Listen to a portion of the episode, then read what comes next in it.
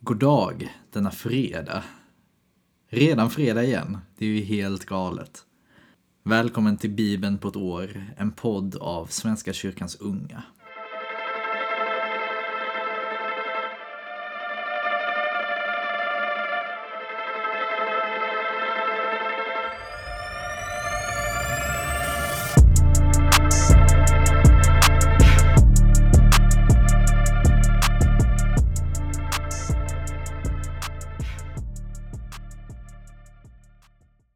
Vi börjar med att be.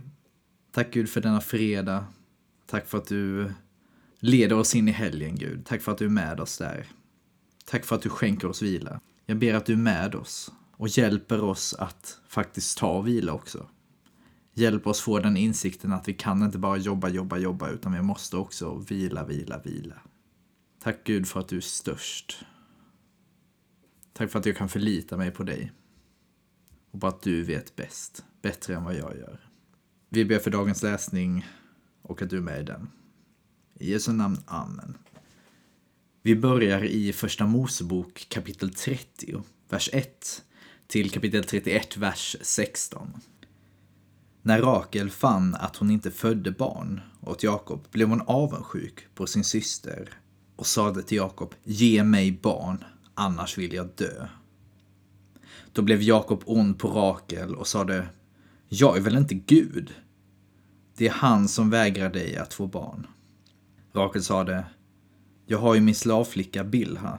Gå till henne, så får hon föda i mitt ställe, och jag får barn genom henne. Så gav hon honom sin slavflicka Bilha, och Jakob låg med henne. Bilha blev havande och födde en son åt Jakob. Då sade Rakel, Gud har skaffat mig rätt. Han har hört min bön och gett mig en son.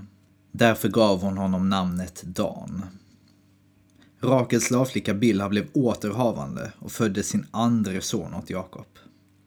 Då sade Rakel, jag har utkämpat en hård kamp med min syster och jag har segrat. Och hon gav honom namnet Naftali. När Lea fann att hon inte fick fler barn gav hon sin slavflicka Silpa åt Jakob. Leas slavflicka Silpa födde en son åt Jakob. Då sade Lea, vilken fröjd! Och hon gav honom namnet Gad. När Leas slavflicka Silpa födde sin andre son åt Jakob sade Lea, vilken lycka! Ja, kvinnorna ska prisa mig lycklig. Och hon gav honom namnet Asher. En gång under veteskörden när Ruben var ute på fälten fann han kärleksäpplen och tog dem med sig hem till sin mor Lea. Då sade Rakel till Lea, ge mig några av din sons kärleksäpplen. Hon svarade, är det inte nog att du har tagit min man ifrån mig? Ska du nu ta min sons kärleksäpplen också? Men Rakel sade, han får ligga hos dig i natt, om jag får din sons kärleksäpplen. På kvällen när Jakob kom hem från fälten gick Lea mot honom och sade, det är till mig du ska komma. Jag har betalat för dig med min sons kärleksäpplen. Så låg han med henne den natten, och Gud bönhörde Lea. Hon blev havande och födde sin femte son åt Jakob. Då sade Lea, Gud har belönat mig för att jag gav min slavflicka åt min man. Och hon gav honom namnet Isaskar. Lea blev åter havande och födde sin sjätte son åt Jakob. Då sade Lea, jag har fått en god skänk av Gud. Nu kommer min man att ära mig när jag har fött honom sex söner. Och hon gav honom namnet Sebulon. Därefter födde hon en dotter som hon gav namnet Dina. Men Gud glömde inte Rakel. Han bönhörde henne och gjorde henne fruktsam. Hon blev havande och födde en son. Då sade hon, Gud har gjort slut på min vanära. Och hon gav honom namnet Josef. Hon sade, må Herren ge mig ännu en son. Sedan Rakel hade fött Josef sade Jakob till Laban. Låt mig få vända hem till mitt eget land. Ge mig mina hustrur och barn som jag har förvärvat genom att arbeta åt dig och låt mig gå. Du vet ju själv hur jag har arbetat åt dig. Laban svarade, var snäll och lyssna på mig. Spådomstecknen visar att det är för din skull som Herren har välsignat mig. Och han sade, Bestäm vad du vill ha i lön av mig, så får du det. Jakob sade, du vet själv hur jag har arbetat åt dig och vad det har blivit av din boskap när jag har haft hand om den. Det lilla du hade innan jag kom har växt till och förökats och överallt där jag har varit har Herren gett dig välsignelse. När ska jag äntligen kunna göra något för min egen familj? Laban svarade, vad ska jag ge dig? Du ska inte ge mig någonting, svarade Jakob. Om du bara gör som jag föreslår ska jag fortsätta att vakta dina får och getter. Låt mig få gå igenom din jord idag och skilja ut alla mörka djur bland fåren och alla brokiga och spräckliga bland getterna. Det ska vara min lön. Jag sätter min heder i pant. När du sedan kommer för att se vad som har blivit min lön, då ska alla getter du finner hos mig, som inte är spräckliga eller brokiga, och alla får som inte är mörka, betraktas som stulna. Gott, svarade Laban. Det får bli som du säger. Samma dag skilde Laban ut de strimmiga och brokiga bockarna, alla spräckliga och mörka djur bland fåren och överlämnade dem åt sina söner. Han lade ett avstånd på tre dagsmarscher mellan sig och Jakob, som vaktade resten av Labans jord. Jakob tog färska grenar av poppel, mandelträd och platan och skar strimlor av barken så att det vita på grenarna blev synligt. Dessa grenar, som han skurit strimlor på, ställde han sedan i hoarna, vattenkaren, dit djuren kom för att dricka, mitt framför djuren. De parade sig nämligen när de kom för att dricka. Och eftersom de parade sig framför grenarna blev deras ungar strimmiga, spräckliga och brokiga. Jakob skilde ifrån ungdjuren. På så sätt skaffade han sig egna jordar som han inte blandade med Labans jord. Varje gång det var kraftiga djur som skulle para sig ställde Jakob grenar i hoarna så att de såg på dem när de parade sig framför dem. Men när det var svaga djur ställde han inte dit några grenar. Så fick Laban de svaga djuren och Jakob de starka. Och Jakobs rikedomar växte. Han hade får och getter i mängd, slavinnor och slavar, kameler och åsnor. Jakob fick höra att Labans söner sade Jakob har tagit allt vad vår far ägde. Hela hans rikedom kommer från det som tillhör vår far. Och Jakob såg på Laban att han inte var lika vänligt inställd till honom som förut. Då sade Herren till Jakob, vänd tillbaka till dina fäders land och till din släkt. Jag ska vara med dig. Jakob skickade bud till Rakel och Lea och bad dem komma ut till honom på betesmarken, där han var med sin jord.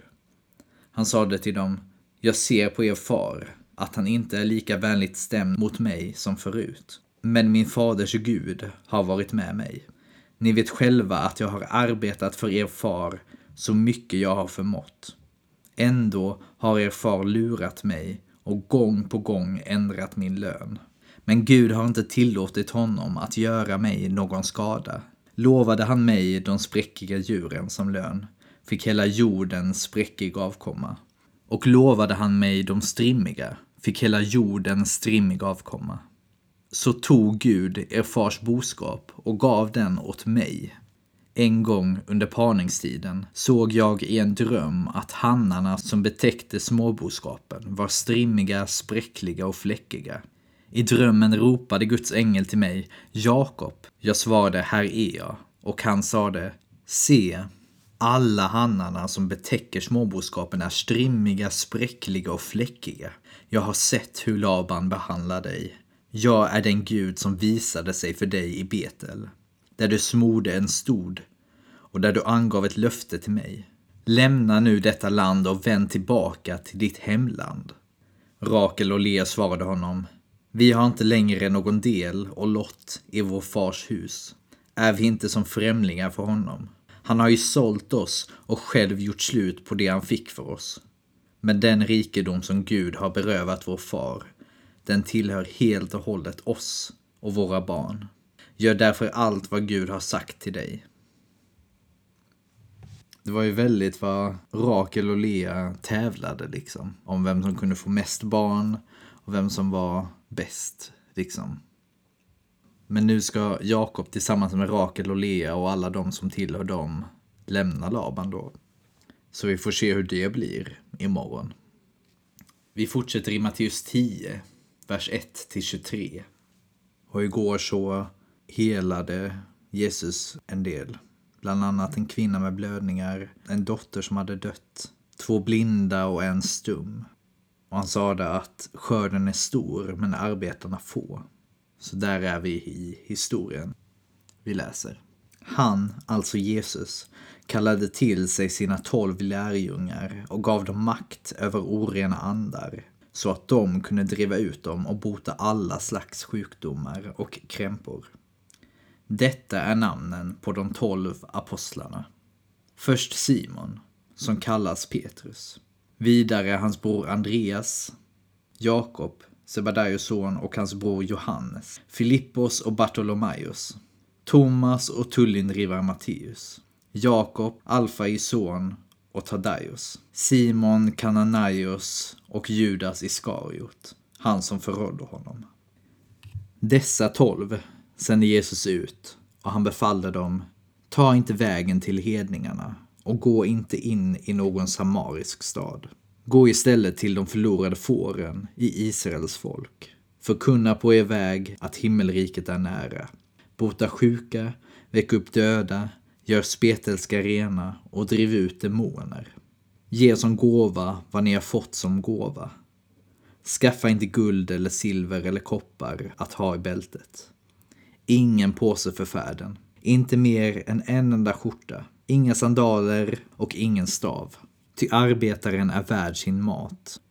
I varje stad eller by ni kommer till ska ni ta reda på vem som är värdig där och stanna hos honom tills ni ska vidare. Stig in i huset med en fridshälsning och om huset är värdigt ska de få den frid ni önskade. Men om det inte är värdigt ska den friden vända tillbaka till er.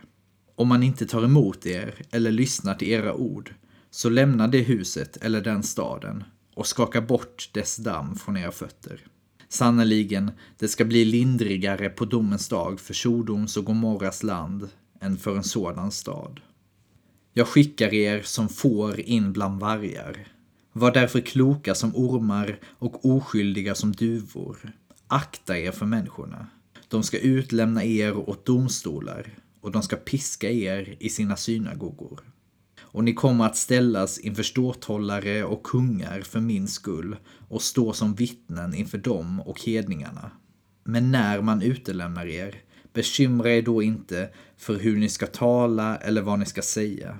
Ty i det ögonblicket kommer det ni ska säga att läggas i er mun. Och det är inte ni som talar, utan er faders ande talar genom er.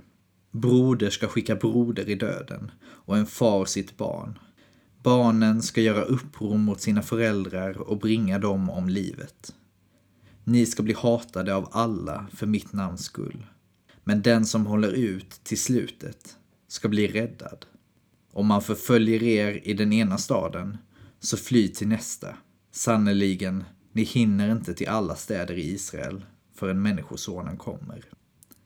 Ja, då fick vi läsa här om eh, hur Jesus skickade ut sina tolv apostlar. Och jag tror att ni känner igen en del av namnen i alla fall. Simon Petrus, Andreas, Johannes, Matteus och Judas.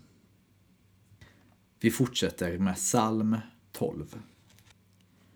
För körledaren, en psalm av David.